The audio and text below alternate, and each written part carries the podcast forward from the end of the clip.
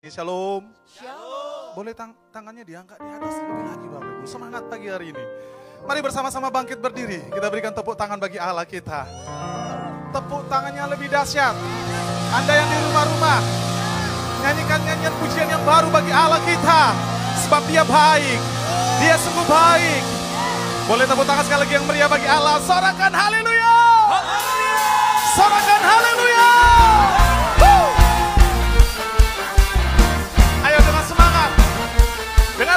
kita akan pujian ini.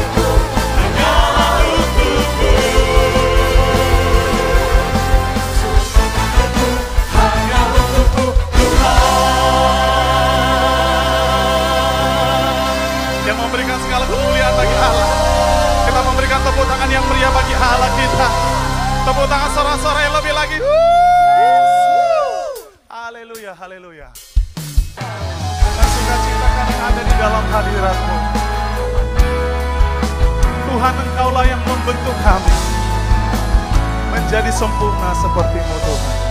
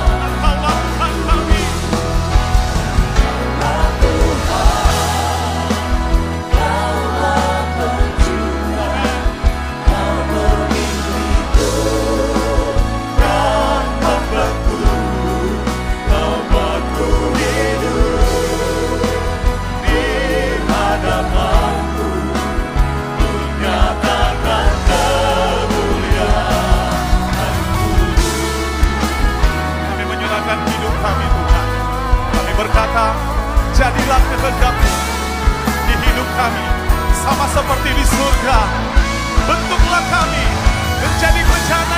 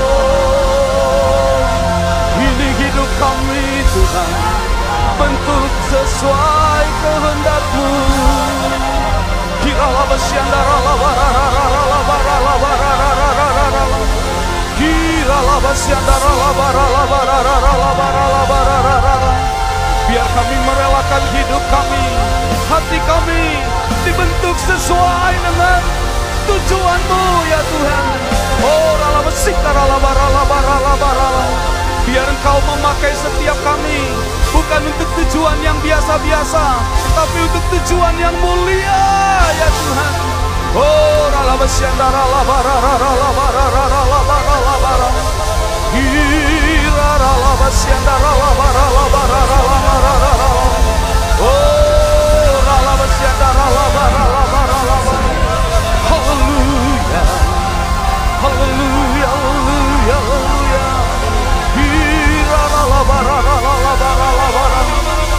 Engkau yang menjamah setiap anak-anakmu. Di mana pun mereka mengikuti ibadah ini Engkau Allah yang sama Allah yang melawan Allah yang menyembuhkan Allah yang memerdekakan. Ya Tuhan.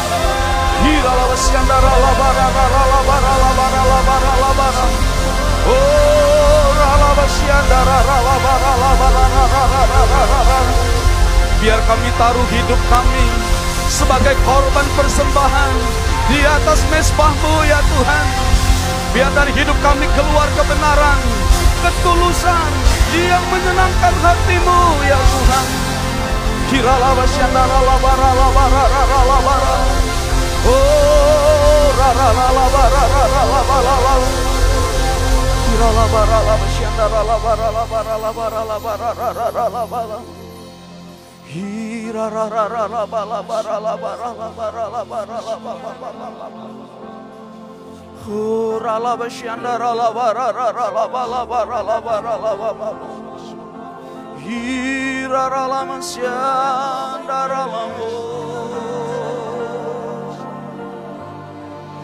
Yesus engkau sumber pengharapan sumber kekuatan kami hanya Yesus. Tuhan biar pagi ini Engkau berkenan melawat setiap anak-anak. Engkau berjalan untuk setiap rumah daripada anak-anak. Tuhan Engkau menguatkan yang lemah, menghiburkan yang sedih, menyembuhkan yang sakit ya Tuhan. Bahkan kau yang sanggup memelihara setiap anak-anakmu.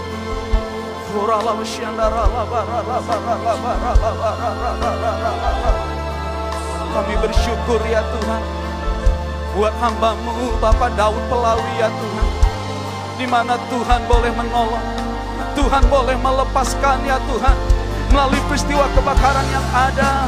Terima kasih ya Tuhan Yesus. Mari Bapak kami berdoa. Tuhan memakai hamba ini menjadi berkat lebih lagi tempat di mana hamba ini engkau tempatkan ya Tuhan untuk bertugas. Perlindunganmu sempurna ya Tuhan. Kasihmu sempurna buat hambamu ini. Pakai lebih lagi dalam nama Tuhan Yesus. Oh ralabara berkat atas keluarga hambamu. Dalam nama Yesus. Oh ralabara lebih lagi ya Tuhan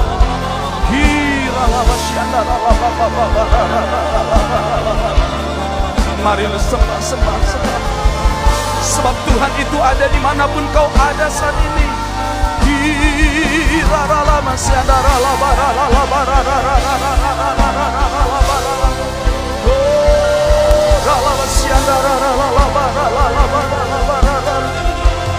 Terima kasih Yesus. Terima kasih ya Tuhan Terima kasih Bapa yang baik Oh.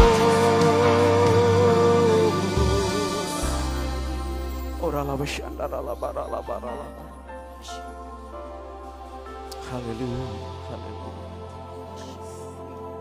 Terima kasih Bapa. Sungguh kami merasakan kau Allah yang ada di tengah-tengah kami. Allah yang memberkati dan melindungi setiap kami. Biar pagi ini kau menyatakan isi hatimu ya Tuhan. Pakai hambamu ya Tuhan. Untuk menyampaikan apa yang menjadi isi hatimu ya Tuhan Yesus. Karena firmanmu itu yang menjadi kekuatan bagi setiap kami. Firmanmu lah yang akan menjadi terang, menjadi penuntun. Bagi jalan daripada setiap anak-anak. Sehingga kaki mereka tidak akan terantuk.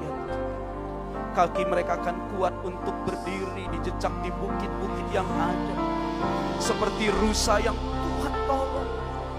Dalam nama Yesus. Haleluya. Terima kasih Tuhan Yesus. Terima kasih Tuhan. Ini hambamu. Pakailah seperti yang kau mau. Berbicaralah kepada kami. Di dalam nama Tuhan Yesus. Mari kita yang sebenarkan firman Tuhan bersama-sama kita katakan. Amin. Haleluya. Nah, silakan duduk Bapak Ibu yang dikasihi oleh Tuhan Yesus. Di mana pun Bapak Ibu hari ini boleh berada. Nah, hari ini kita boleh beribadah bersama-sama kepada Tuhan. Pagi ini, nah seperti tema yang Tuhan berikan melalui para pemimpin kita, yakni Tuhan itu rindu memakai setiap kita, hidup kita sebagai instrumen, sebagai alat di dalam rumah Tuhan. Saudara yang dikasihi oleh Tuhan Yesus, nah saya rindu hari ini kita dipakai guna tujuan yang mulia. Kalau kita melihat Alkitab kita, nah maka di sana dengan jelas dikatakan waktu Tuhan itu membentuk, maka ada yang dibentuk untuk tujuan yang mulia, bukan untuk tujuan yang biasa-biasa. Nah kemarin di pentabisan gedung baru dari GBI yang ada di Berarang, maka gembala pembina kita juga menyampaikan apa yang menjadi pesan Paulus kepada Timotius bahwa Tuhan itu bermaksud memakai setiap kita untuk maksud tujuan mulia, bukan maksud untuk tujuan biasa-biasa. Di dalam Roma 9 ayat 21, di sana dikatakan, apakah tukang priuk tidak mempunyai hak atas tanah liatnya untuk membuat dari gumpal yang sama satu benda untuk dipakai guna tujuan yang mulia. Bapak, Ibu, saudara yang dikasihi oleh Tuhan Yesus, Tuhan itu rindu memakai setiap kita, memanggil setiap kita, memperlengkapi setiap kita, bukan untuk tujuan yang biasa-biasa, tapi untuk tujuan yang mulia. Namun untuk bisa dipakai untuk tujuan yang mulia, maka persiapan yang harus kita lakukan juga harus persiapan-persiapan yang bukan biasa-biasa.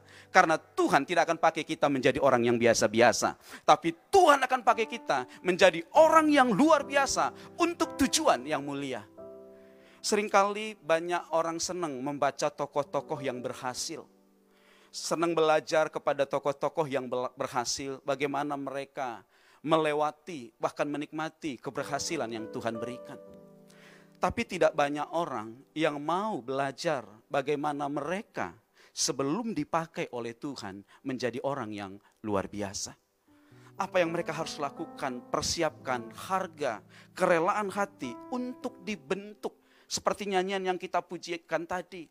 Dibentuk oleh Tuhan untuk maksud yang luar biasa. Untuk maksud yang mulia. Saudara, sesuatu barang, sesuatu benda, sesuatu perabot kalau itu mahal, kalau itu untuk tujuan mulia, ditempatkan di tempat yang tinggi, yang mulia, maka persiapan yang harus dipersiapkan itu adalah persiapan yang luar biasa juga, bukan yang biasa-biasa. Saudara yang dikasihi oleh Tuhan Yesus, untuk dipakai menjadi Tuhan, menjadi alat, Tuhan tidak minta yang lain. Di dalam 1 Tesalonika 5 ayat 23, jelas kita ini memiliki roh, jiwa, dan tubuh. Seringkali kita larut dengan roh jiwa kita, tetapi kita melupakan bahwa satu yang Tuhan minta adalah tubuh kita. Banyak orang berpikir karena tubuh akan kembali kepada tanah, maka tubuh ini tidak berharga. Tapi justru selama kita hidup, ada dua hal yang Tuhan nyatakan. Yang pertama, Tuhan berkata bahwa waktu kita berani mempersembahkan tubuh kita kepada Tuhan, maka dicatat di dalam Alkitab, justru itu adalah ibadah kita yang sejati. Sering kita berpikir waktu kita berbahasa roh itulah ibadah yang sejati. Tetapi kalau kita perhatikan apa yang menjadi pesan Paulus, berbahasa roh itu lebih banyak gunanya untuk membangun diri kita di hadapan Tuhan. Tapi untuk bisa menjadi berkat, kita tidak cukup hanya menyembah di dalam roh dan kebenaran. Tapi untuk bisa menjadi berkat dan dinikmati oleh orang lain, nah kita harus mengeluarkan buah. Nah, buah adalah karya dari tubuh kita. Kemarin pemimpin kita sampaikan apa yang keluar dari mulut kita. Bagaimana tangan kita ini boleh menjadi berkat. Sebab itulah yang dikendaki oleh Tuhan. Waktu kita berani mempersembahkan tubuh kita, maka itu adalah ibadah kita yang sejati. Bahkan Tuhan berkata, dari begitu banyak tempat di dunia ini, dari begitu indahnya surga. Tapi Tuhan itu berkata, tidak tahukah kamu bahwa kamu adalah bait Allah, tempat di mana roh Allah itu diam dan tinggal. Kita punya roh jiwa, tetapi Tuhan mau kita menguduskan tubuh kita ini. Kita menghususkan tubuh kita ini untuk Tuhan. Dan justru di sanalah roh kudus itu akan diam dan bekerja untuk menjadi berkat buat semua orang. Saudara yang dikasihi oleh Tuhan Yesus, nah untuk dipakai tujuan mulia, untuk dipakai maksud mulia, maka ada beberapa hal yang harus kita perhatikan. Nah yang pertama, maukah kita dibentuk? Nah, dibentuk di sini berbicara kita ini menemukan yang namanya image, rupa dan gambar Allah, panggilan dalam hidup kita. Waktu pertama kita datang, tentunya kita senang-senang. Seperti yang Yesus katakan kepada Petrus. Di awal, engkau mau ke mana itu suka hatimu. Engkau bebas melakukannya. Tapi ada waktunya, engkau akan seperti kakimu itu diikat. Dan engkau tidak bebas. Bahkan engkau akan dibawa ke tempat di mana engkau tidak suka, di mana engkau tidak senang. Karena Tuhan mau kita ini menjadi berkat. Nah banyak orang masih kehilangan rupa. Dia tidak tahu mau jadi apa dia dipanggil oleh Tuhan. Dia hanya datang ke rumah Tuhan. Dia hanya beribadah kepada Tuhan. Tapi dia tidak tahu untuk apa dia ada di sana. Nah orang-orang seperti ini akan dibentuk oleh Tuhan. Nah sehingga saudara mulai menemukan pelayanan saudara. Tetapi setelah itu banyak orang berpikir kalau dia sudah menemukan pelayanan, mungkin ada dipakai sebagai musisi, ada yang dipakai sebagai worshiper, ada yang dipakai sebagai hamba Tuhan, berkhotbah luar biasa. Mereka berpikir sudah selesai. Ternyata Alkitab kalau untuk tujuan mulia, karena dibentuk saudara hanya punya warna. Tetapi untuk memiliki daya tahan, memang Alkitab itu mengasih contoh yang luar biasa. Itu seperti tanah liat tanah liat ketika dibentuk, lama-lama dia mempunyai bentuk seperti tujuan daripada tuannya. Dia mungkin menjadi vas, dia mungkin menjadi bejana, tapi setelah jadi kelihatannya indah. Tapi saudara tidak memiliki daya tahan. Untuk ini bisa menjadi kuat, maka apa yang dilakukan? Maka pas ini harus dibakar, harus dipanaskan. Nah, waktu dibakar dan dipanaskan, apa yang terjadi? Saudara akan melihat daya tahan itu akan diuji. Nah, kalau sudah lewat ini, baru kalau vas itu sudah dibakar, sudah keras, nah mulai Tuhan itu akan menghias. Dia mulai mewarnai, dia mulai menulis, sehingga kehindahan itu akan terjadi. Kadang-kadang kita lihat orang sudah mulai dihiasi oleh Tuhan mulai diberkati oleh Tuhan. Mulai dipakai oleh Tuhan. Mulai didandani oleh Tuhan. Nah kita juga rindu. Tapi kita sampai hari ini nggak mau dibentuk. Dan tidak memiliki daya tahan. Nah jangan mimpi. Kalau bejana belum dibakar, baru dibentuk. Langsung dihias, langsung dicat. Itu catnya akan jelek dan melumer ke mana-mana dan tidak karu-karuan.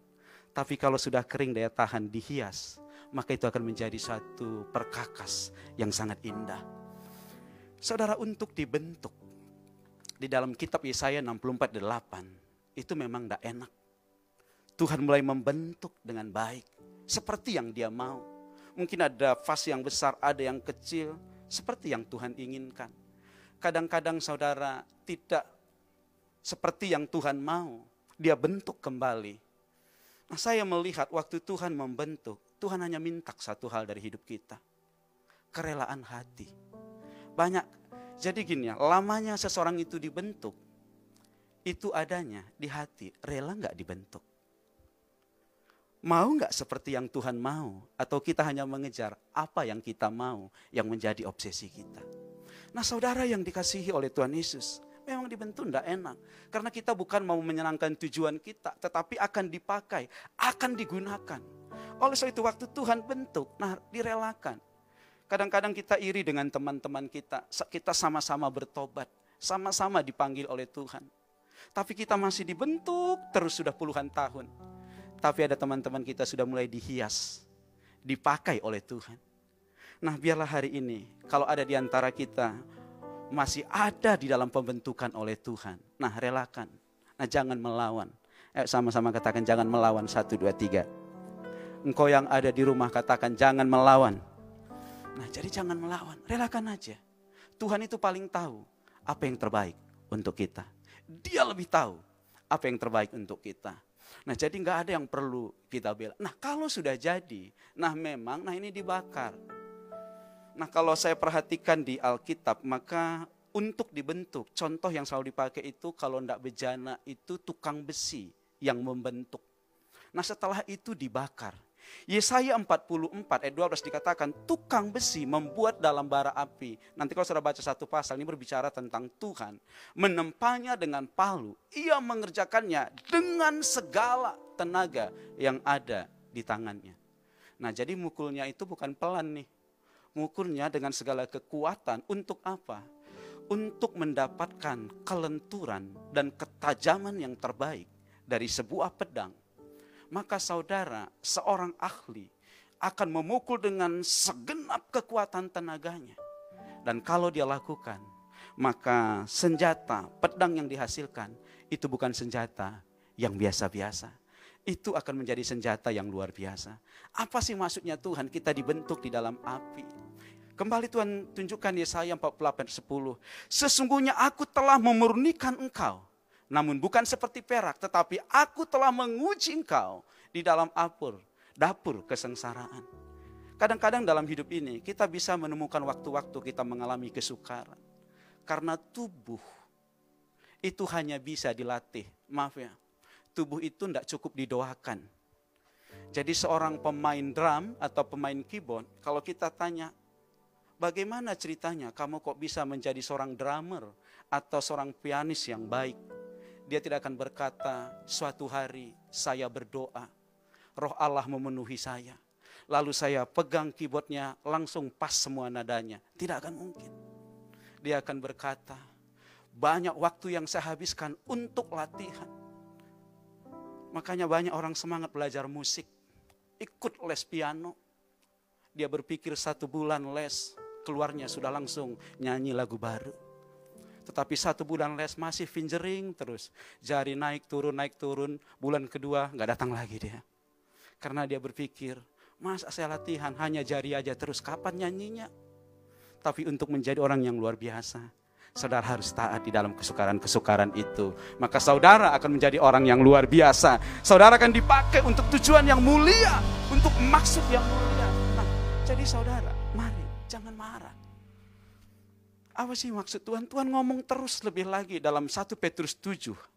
1 Petrus 1 ayat 7 ini, apa maksud Tuhan? Kadang-kadang kita diizinkan masuk ke dalam pencobaan-pencobaan, di dalam penderitaan dalam api. Maksud semua itu ialah untuk membuktikan, dikatakan di sini kemurnian imanmu. Jadi iman, kemurnian itu hanya bisa diuji, tidak bisa dilihat. Waktu seseorang itu diuji, di situlah kelihatan seseorang itu imannya. Makanya Paulus berani berkata, untuk menjadi hamba Tuhan yang luar biasa, jangan ambil petobat baru. Kenapa? Karena masih membutuhkan waktu untuk diuji. Karena iman itu lewat pengujian. Yang jauh lebih tinggi nilainya daripada emas yang fana. Yang diuji kemurniannya dengan api. Sehingga kamu memperoleh puji-pujian dan kemuliaan dan kehormatan pada hari Yesus Kristus menyatakan dirinya. Nah jadi ada waktu kita ini dibakar Nah kalau dibentuk, itu kan jangan melawan. Nah kalau lagi dilatih daya tahan kita dibakar, pesan Tuhan. Jangan lari. Katakan sama-sama jangan lari. Korban kalau dipersembahkan domba atau sapi, kalau dibakar lari nggak jadi korban. Makanya harus disembelih dulu, harus mati dulu. Nah setelah disembelih mati baru dikorbankan, dipersembahkan. Nah maka dia tidak akan lari, yang ada adalah akan keluar satu aroma yang wangi, aroma yang tajam yang menyenangkan hati Tuhan. Amin. Saudara mau dibentuk? Nah kalau dibentuk harus mati dari dosa, mati dari ke- keakuan kita, mati dari keegoisan kita. Katakan amin. Mari katakan kepada Tuhan. Ku telah mati dan tinggalkan cara hidupku yang lama. Semuanya sia-sia dan tak berarti lagi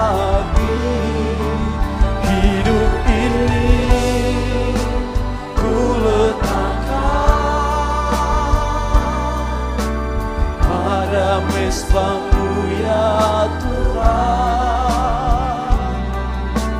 Jadilah padaku seperti yang kau ingini Mari katakan lebih lagi. Ku telah mati dan tinggalkan. Cara hidupku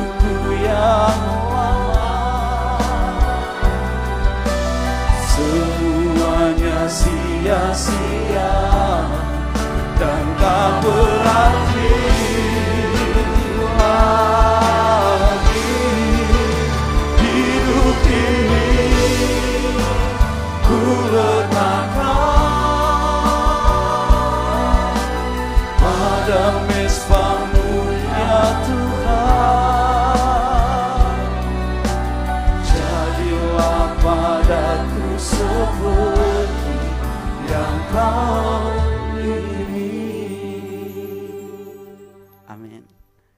Biarlah hari ini setiap kita berkata, jadilah padaku seperti yang Tuhan ingini. Bukan yang saya mau. Karena Tuhan itu paling tahu apa yang terbaik untuk setiap kita. Nah saudara, perhatikan baik-baik. Nah kalau saudara sudah melewati pembentukan, saudara rela. Daya tahan saudara dilatih, saudara tidak lari. Maka yang berikut dikatakan, kita akan dihias. Nah perhatikan gambarnya. Hiasan ini dikatakan seperti bunga bakung. Perhatikan bunga bakung yang tidak memintal dan tidak menenun.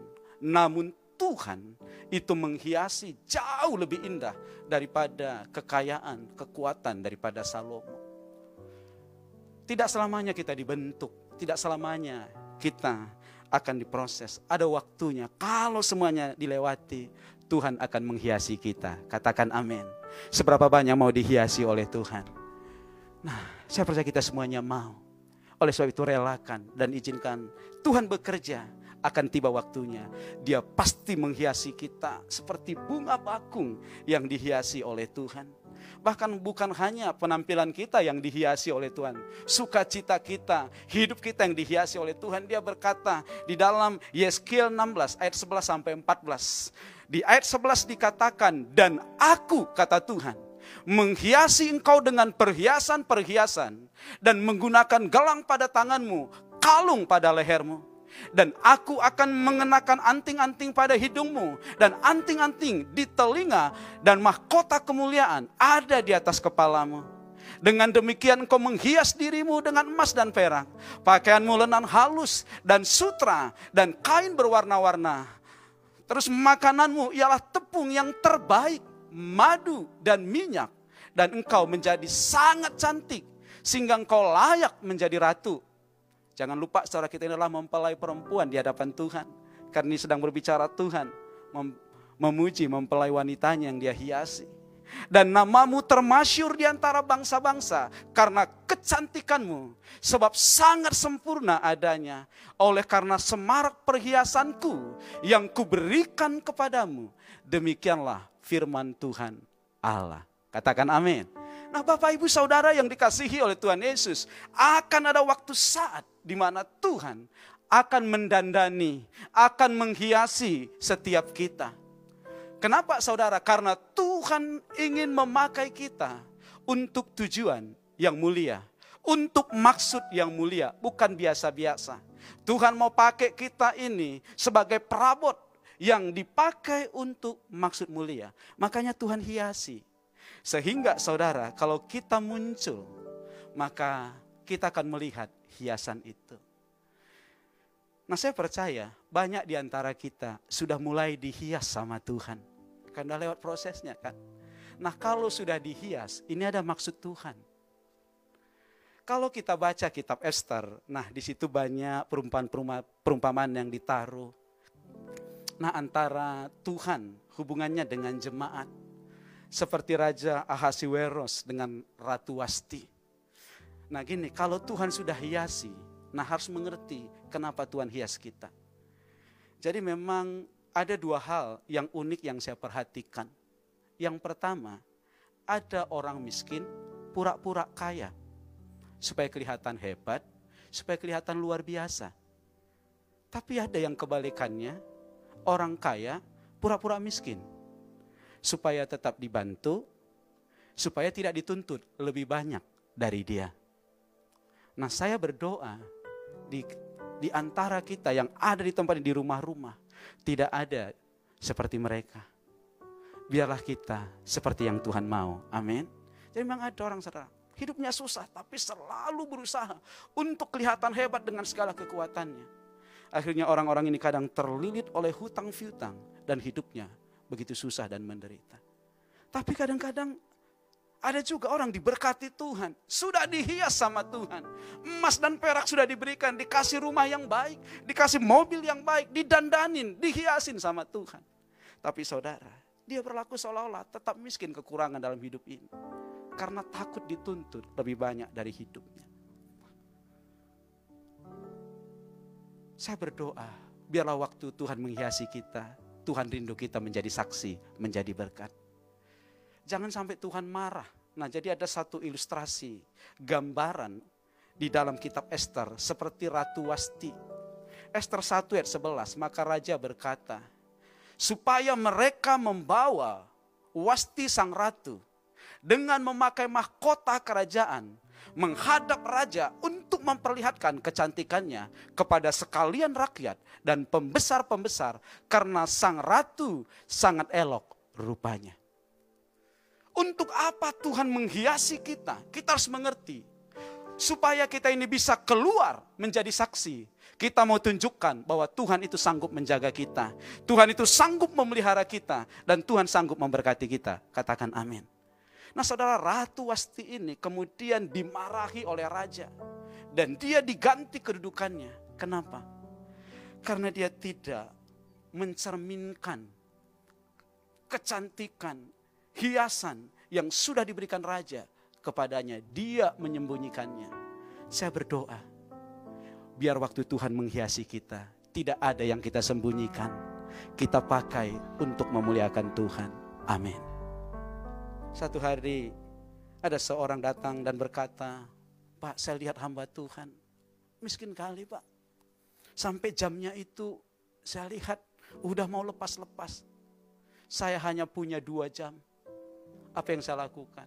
Saya ambil jam saya yang terbaik, saya kasih sama orang itu. Tapi sudah bertahun-tahun saya kasih. Sampai sekarang sekalipun belum dipakainya. Dia tetap pakai yang jelek. Kenapa? Karena ada orang-orang yang memang kelihatan selalu susah. Tetapi biarlah kita di tempat ini waktu Tuhan menghiasi kita. Tuhan memberkati kita. Kita mau keluar menjadi saksi, menjadi berkat. Amin. Memang ini sulit. Tapi kembali, kalau mau menjadi alat. Nah kemarin pemimpin kita sudah berbicara tentang mulut dan tangan. Maka saya dipercaya untuk misi. Nah saya berbicara sedikit saja tentang kaki. Nah kaki ini berkasutkan kerelaan untuk memberitakan Injil damai sejahtera. Ternyata kekuatan kaki ini apabila kita pakai dengan rela hati untuk menjadi saksi, untuk menjadi berkat bagi Tuhan, maka apa yang terjadi? Nah, apabila kita mau hidup berdamai, mau dipakai, mau dikuduskan oleh Tuhan, maka Roma 16 ayat 20, semoga Allah sumber damai sejahtera segera akan menghancurkan iblis di bawah kakimu. Kasih karunia Yesus Tuhan kita menyertai kamu. Saudara yang dikasih Tuhan Yesus. Mari hari ini izinkan Tuhan itu membentuk kita, menghiasi kita. Dan waktu Tuhan memberkati kita, mari kita berjalan dengan rela hati untuk menjadi berkat. Kita memakai apa yang Tuhan percayakan kepada kita, kekayaan, kemuliaan yang Tuhan berikan, kehormatan yang Tuhan berikan untuk memuliakan namanya. Yang setuju katakan amin. Nah, waktu kita lakukan itu dan kita mau rela berjalan ke tempat yang Tuhan mau, maka Dia berjanji akan menaruh iblis itu di bawah kaki kita. Saudara, dan bukan itu saja. Ibrani jelas katakan, Luruskanlah kakimu sehingga jangan pincang dan berusahalah hidup damai. Kenapa? Karena waktu kaki kita berdiri di tanah yang rata, kita tulus, kita tidak belok-belok. Maka seperti Daud katakan, Tuhan akan memakai kita untuk memuji dan membebaskan orang yang tertawan. Saudara yang dikasihi oleh Tuhan Yesus, tetap kuat. Karena Tuhan janji, waktu kaki kita ini kuat, berjejakan di bukit-bukitnya, maka dia akan pakai kita menjadi berkat. Saya tutup dengan yang terakhir. Nah waktu kita Departemen Apostolik Profetik nah mulai berdoa bersama-sama di pagi hari, di dini hari. Nah maka Tuhan mengingatkan satu ayat di dalam Wahyu 2 ayat 2 sampai ayat yang kelima kita sudah tahu semuanya ini berbicara tentang kasih mula-mula. Tuhan mengizinkan COVID-19 dan segala sesuatu yang terjadi. Karena Tuhan mau di tahun ini tidak ada yang berbicara prestasi, tidak ada yang berbicara kehebatan, tapi semuanya kembali berbicara untuk mengejar kasih Tuhan dalam hidupnya. Mengasihi Tuhan lebih daripada yang lain. Biarlah hari ini Tuhan izinkan kita banyak waktu untuk menguji kembali kasih kita. Biarlah teruji kita ini mengasihi Tuhan. Katakan amin. Nah Bapak Ibu serang dikasih oleh Tuhan Yesus. Waktu engkau dibentuk, izinkan, relakan. Waktu daya tahan kita dilatih, mari jangan lari. Dan waktu Tuhan hiasi, jadilah menjadi berkat. Tuhan memberikan, menghiasi kita dengan gedung yang bagus. Itu artinya Tuhan mau kita menjadi berkat, menjadi kesaksian. Bahwa kita punya Allah yang besar. Bahkan di masa-masa yang sulit, nah gedung menara doa kita itu diresmikan, didandani oleh Tuhan itu menunjukkan supaya kita bersaksi dia Tuhan yang tetap sama. Sebelum pandemi dia Allah yang kaya. Pada saat pandemi dia tetap Allah yang kaya. Dia tetap Allah yang luar biasa. Dia tetap Allah yang luar biasa. Itu yang harus kita saksikan. Katakan amin. Mari kita hampiri Tuhan bersama-sama. Bukan dengan barang fana Kau membayar dosaku. Dengan darah yang mahal tiada noda dan celah. Bukan dengan emas perak kau menebus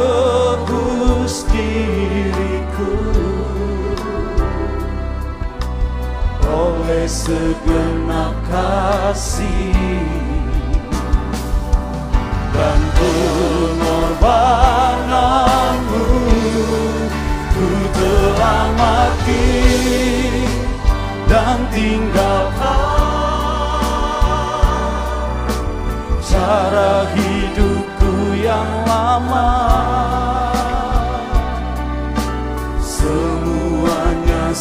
sia-sia dan tak berarti lagi hidup ini ku letakkan pada mesbahmu pada mesbahmu ya Tuhan.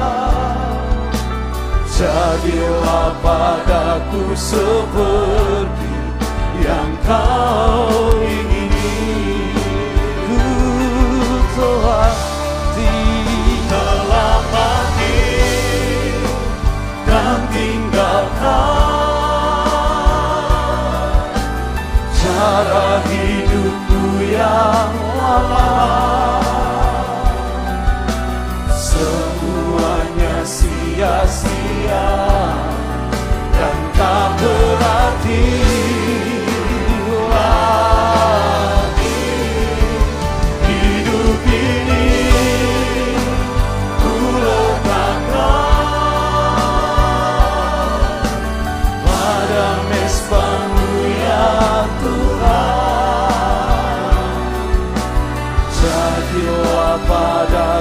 padaku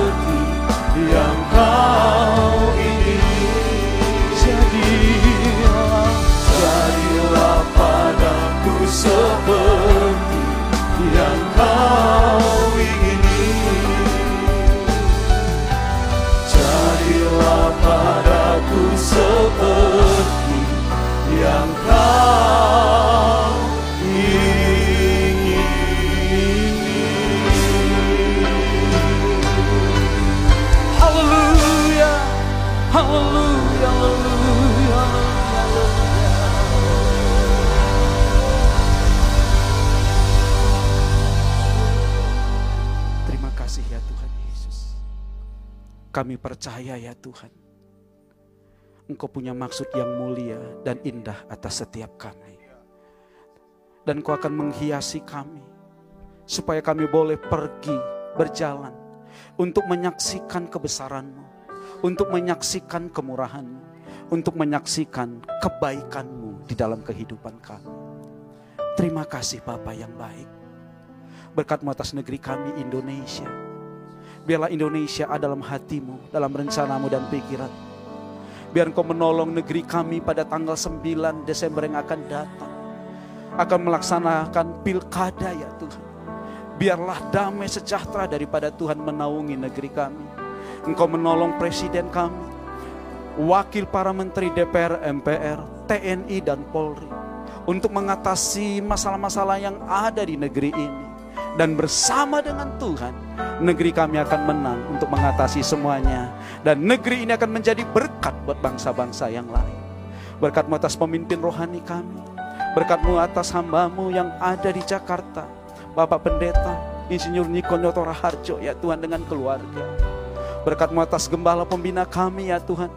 Bapak Pendeta R. Bambang Yonan beserta dengan Ibu. Berkatmu atas Alfred dan Tiffany Berkatmu atas gembala sidang kami Bapak Pendeta Daniel Edi Praitno. Berkatmu atas ibu Berkatmu atas Melsa ya Tuhan. Berkatmu atas Yuda. Berkatmu atas wakil gembala yang Tuhan percayakan atas gereja ini. Tuhan kami mengangkat seluruh pemimpin dan keluarga ini ke dalam tanganmu ya Tuhan. Biar Tuhan menolong, Tuhan menuntun, Tuhan menjagai.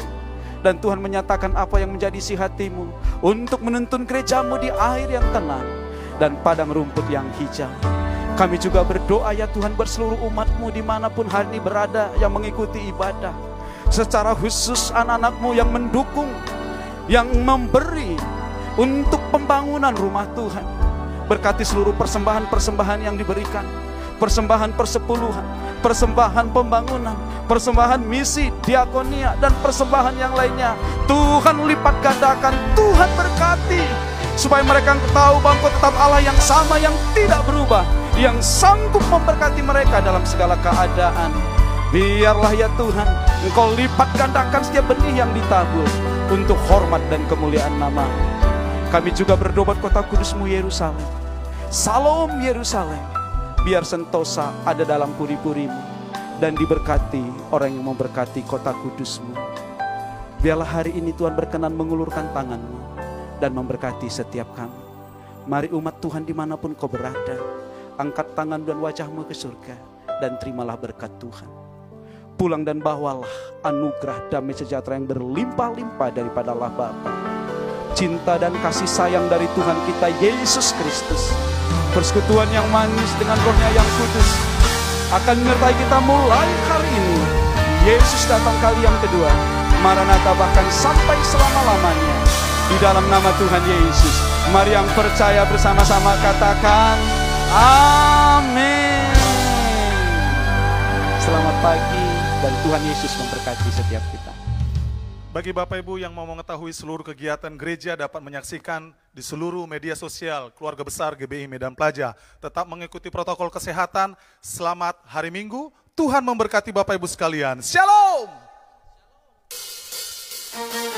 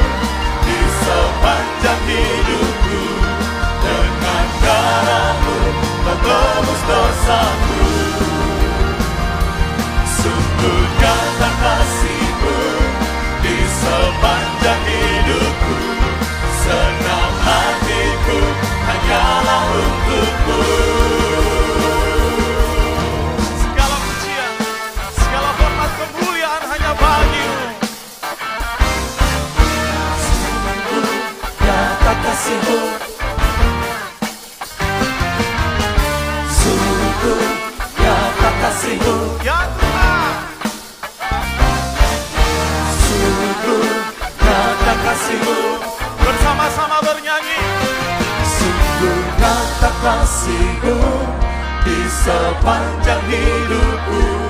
Dengan darahmu Kau terus dosaku. Sungguh nyata.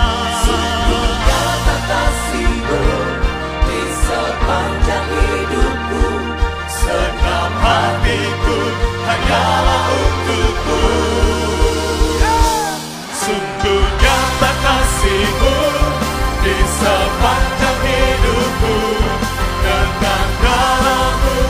더